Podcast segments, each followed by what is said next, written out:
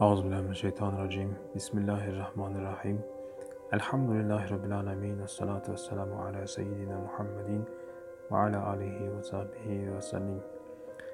Бірінші дүниежүзілік соғыстың 5 жылында ақиқатты бір түс көрдім. Сол ғажайып түсімде маған сұрақ қойылды.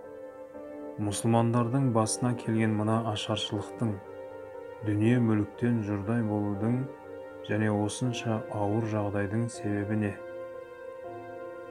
Түсімде былай деп жауап бердім.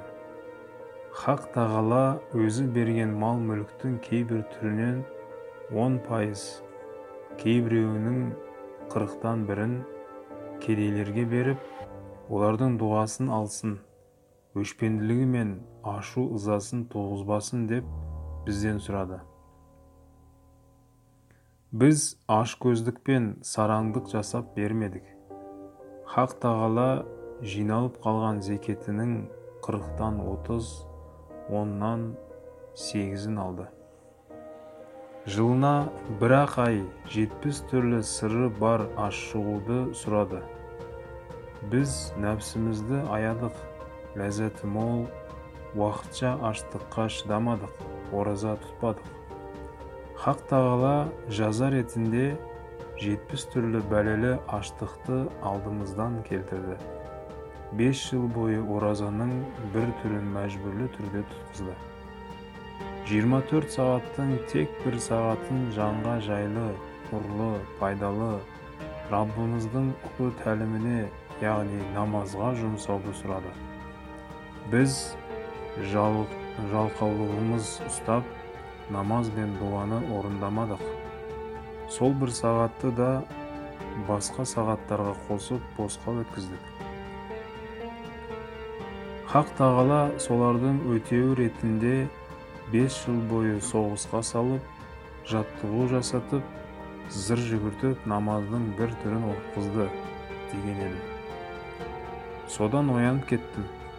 Ойланып отырып осы бір түсте аса маңызды ақиқат барын түсіндім. 25 сөзде бүгінгі мәдениет пен құран үкімдерін салыстыра отырып толық дәлелденгендігіндей адамзаттың қоғамдық өміріндегі жаман қылықтар мен жүгенсіздіктер және қақтығыс біткеннің бәрі екі, екі ауыз сөзден тұрады. Бірінші сөз мен тоқ болған соң басқаның аштан өлгенінде не шаруам бар?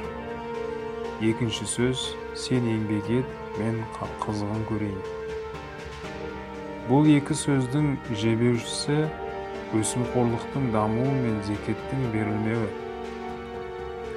Қоғамның осы екі қауіпті дертін емдейтін жалғыз шара бар. Ол зекет беру баршаға ортақ қағидаға айналып өсімқорлыққа тыйым салу. Сондай ақ бұл тек жеке бастың немесе белгілі бір топтың ғана емес күллі адамзат пен баласының күллі адамзат баласының бақытының темірқазығы тіпті адамзат өмірін жалғастыратын негізгі тірек зекет. Өйткені адамзат екі топтан яғни байлар мен кедейлерден тұрады. Байлардың кедейлерге деген қамқорлығы мен қайырымдылығын ал кедейлердің байларға деген құрметі мен бағынуын қамтамасыз ететін зекет. Әйтпесе кедейлердің басына зұлымдық пен үстемдіктің қара бұлты төнеді. Кедейлер де байларға қарсы көтеріліп ылаң салады.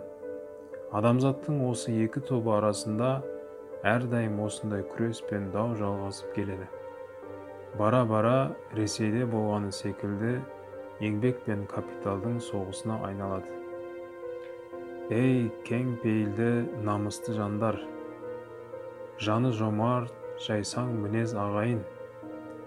Қайыр садақа зекет ретінде берілмесе оның үш зияны бар. Кейде босқа пайдасыз кетеді. Өйткені аллах ризалығы үшін бермеген соң міндеттенесің. Кедей бейшараны кіріптар қылып басынасың. Сөйтіп жарлының қабыл болғыш дұғасынан махрұм қаласың. Шындығында сен хақ тағаланың қолына беретін мал мүлкін таратушы қызметкері бола тұра өзіңді сол дүние мүліктің иесімін деп масығып кетесің. Егер зекет ретінде берсең хақ тағала үшін бергендіктен сауап аласың. Саған берілген нығметтерге шүкіршілік қыласың. Ал мұқтаж адам да саған шағыну үшін жағымпазданбайды. Сондықтан ары да тапталмайды. Сен үшін жасаған дұғасы да қабыл болады.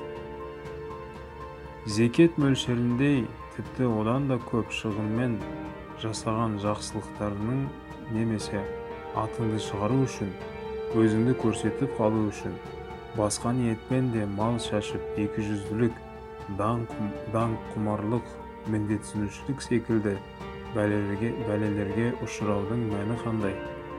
Ал зекет атымен сол жақсылықтарды жасап парызыңды орындап сауап алып шынайы ықыласқа қол жеткізіп пақырлардың қабыл болғыш дұғасын алудың мәні қандай?